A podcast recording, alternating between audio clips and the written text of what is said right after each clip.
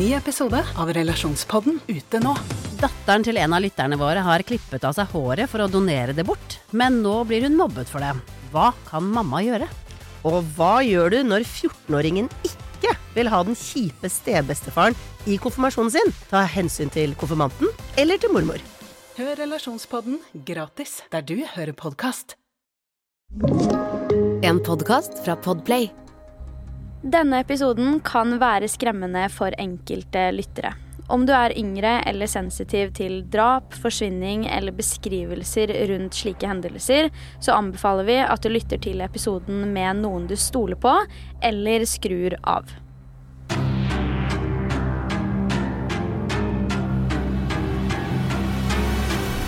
Hei og velkommen til en helt ny episode av Forsvinningsfredag podkast.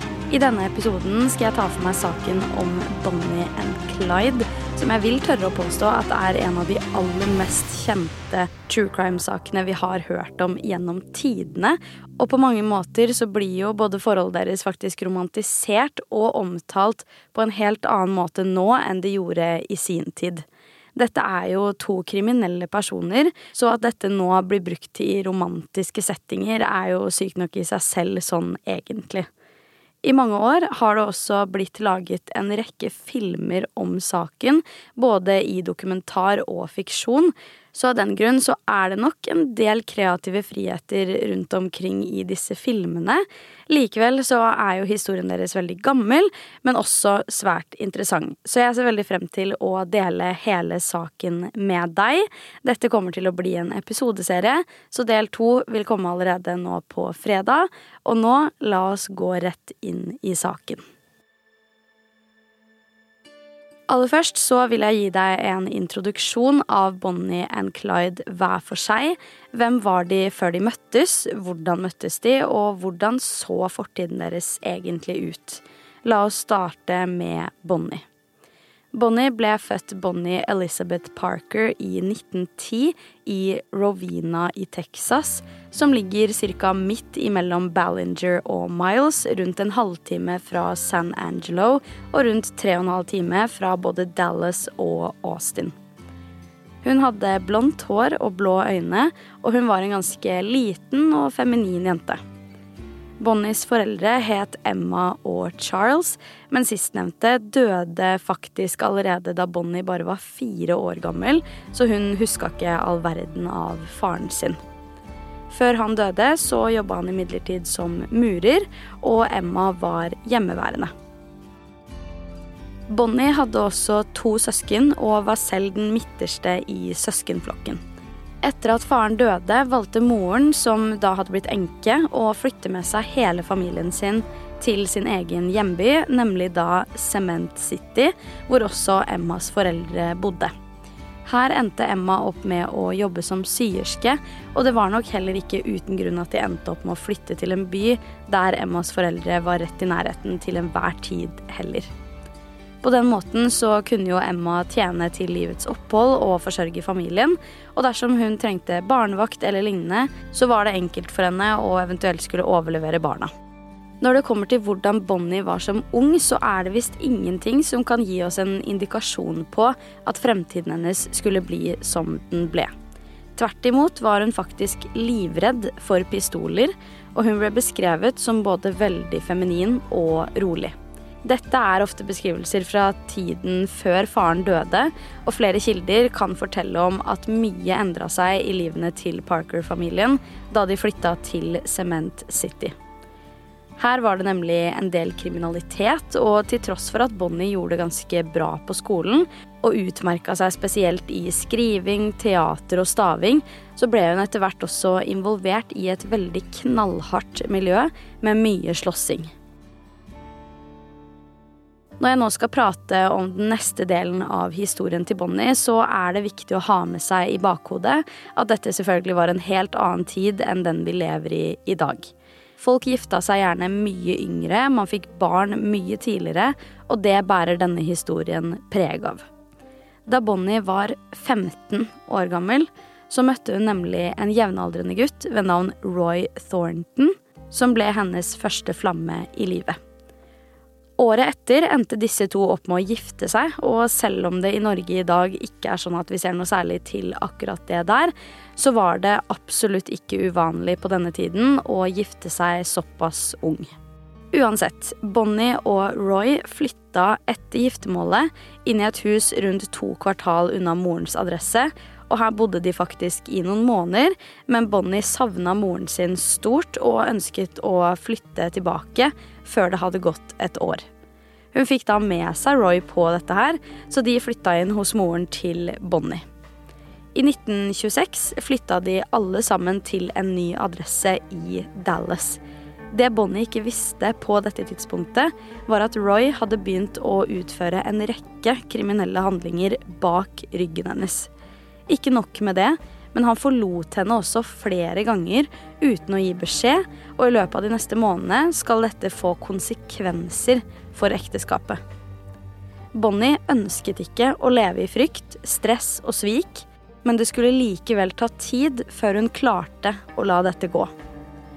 Det finnes faktisk dagbøker fra denne tiden, som da er skrevet av Roy, og der blir det beskrevet en haug av følelser som i bunn og grunn går på at han følte seg håpløs og fortvila, men også at han kjeda seg.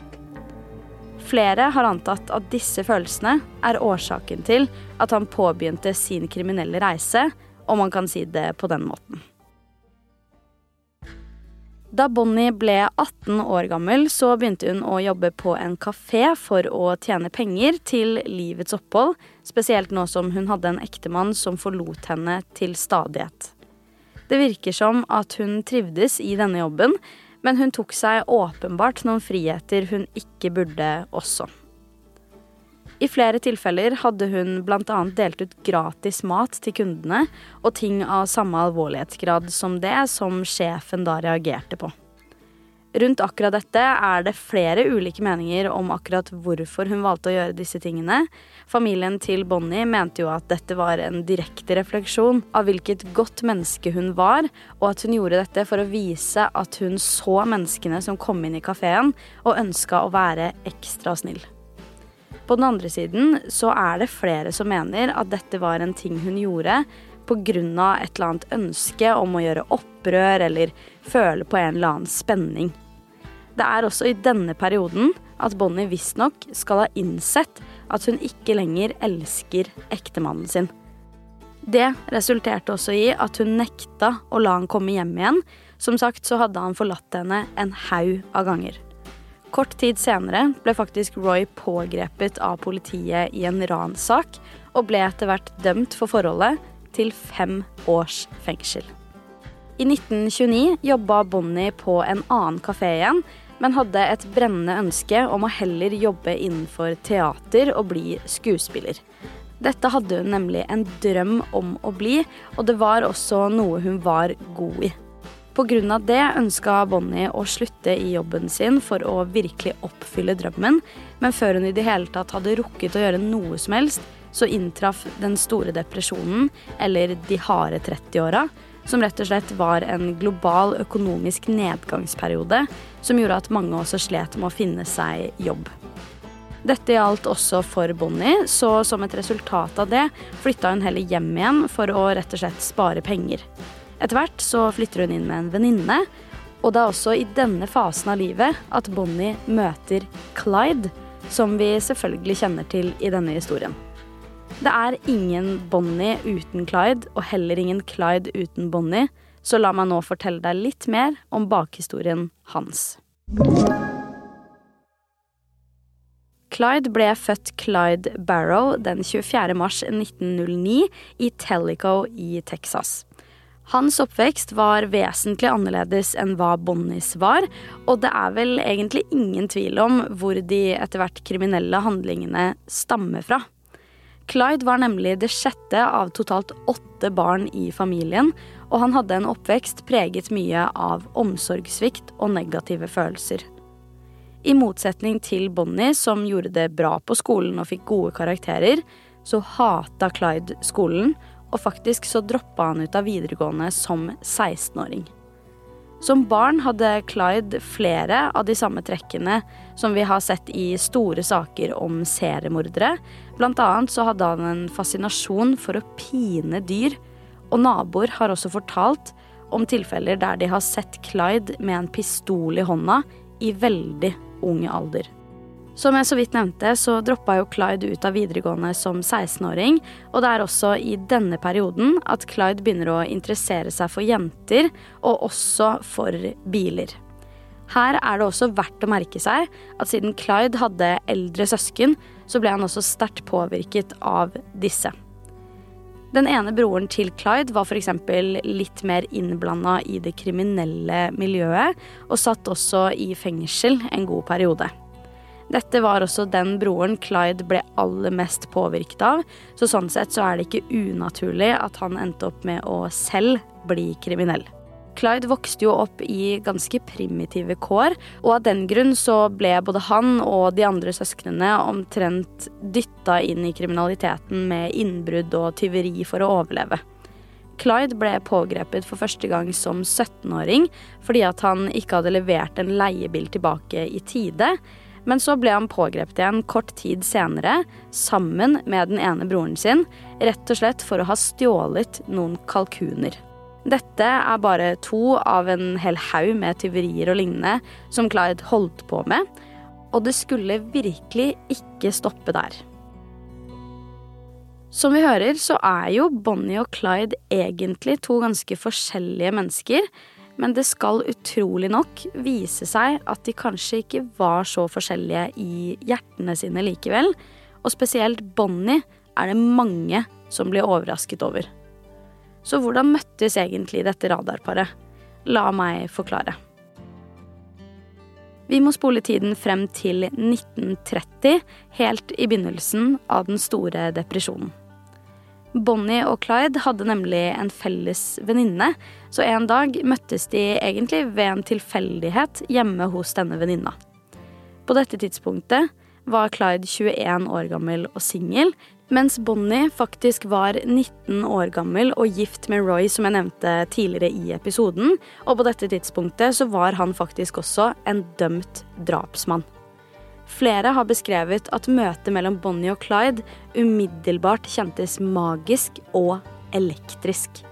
Det var som at skjebnen hadde ført dem sammen på en eller annen måte. Det er jo akkurat pga. disse beskrivelsene at dette kjennes som en Romeo og Juliet-historie. Det høres jo omtrent helt uvirkelig ut. Kjærligheten mellom Bonnie og Clyde blomstret, og i løpet av de neste ukene tilbrakte de hvert våkne minutt sammen, og kunne virkelig ikke leve uten hverandre. Ganske kort tid etter at Bonnie og Clyde møttes for første gang, så ble faktisk Clyde pågrepet av politiet i forbindelse med en innbruddssak. Og det ble han faktisk også dømt for, og da sendt rett inn i fengsel. Allerede her begynner Bonnie og Clydes felles kriminelle reise, for Bonnie hjalp nemlig Clyde ut av fengsel ganske raskt etter at han hadde blitt innsatt. Ved hjelp av en pistol som Bonnie hadde smugla inn i fengselet, så klarte Clyde å rømme, men ble kort tid etter pågrepet på nytt av politiet og fikk ikke mulighet til løslatelse før i 1932, altså to år senere. Det er faktisk også i fengselet at Clyde begår sitt aller første drap. Angivelig skal Clyde ha blitt utsatt for gjentatte seksuelle overgrep i fengselet, og derfor etter hvert blitt vippet av pinnen. Historiene skal ha det til at det er sånn at han bestemte seg for at han skulle ta livet av mannen som hadde begått disse seksuelle overgrepene, og dette gjennomfører han. Det samme året som Clyde skulle bli prøveløslatt, valgte han faktisk også å amputere to av tærne sine. Rett og slett for å unngå å måtte gjøre jobbene i fengselet som ingen andre ville ha. Det at han heller ville amputere to av tærne sine, og da absolutt ikke på en kirurgisk måte, sier jo nok om Clyde i utgangspunktet. Søsteren hans har også fortalt at det måtte ha skjedd noe helt forferdelig i fengselet. Fordi når han kom ut derfra, så var han aldri den samme mannen igjen. Og det viser også historiebøkene oss i denne saken. Det er herfra vi begynner å se hvilke mørke sider som kan skjule seg bak det som i utgangspunktet skulle være et harmonisk og fint forhold, men som i virkeligheten skulle være begynnelsen på en av verdenshistoriens desidert mest kjente og omtalte true crime-saker. Saken bærer preg av både sjokk, svik og mange tvister, men resten av saken får du høre i fredagens episode, og la meg bare si det denne vil du ikke gå glipp av. Du har hørt Forsvinningsfredag podkast med meg, Sara Høydahl. Tusen takk for at du har lytta til episoden. Vi er tilbake med en helt ny allerede nå på fredag, og i mellomtiden, ta vare på deg selv.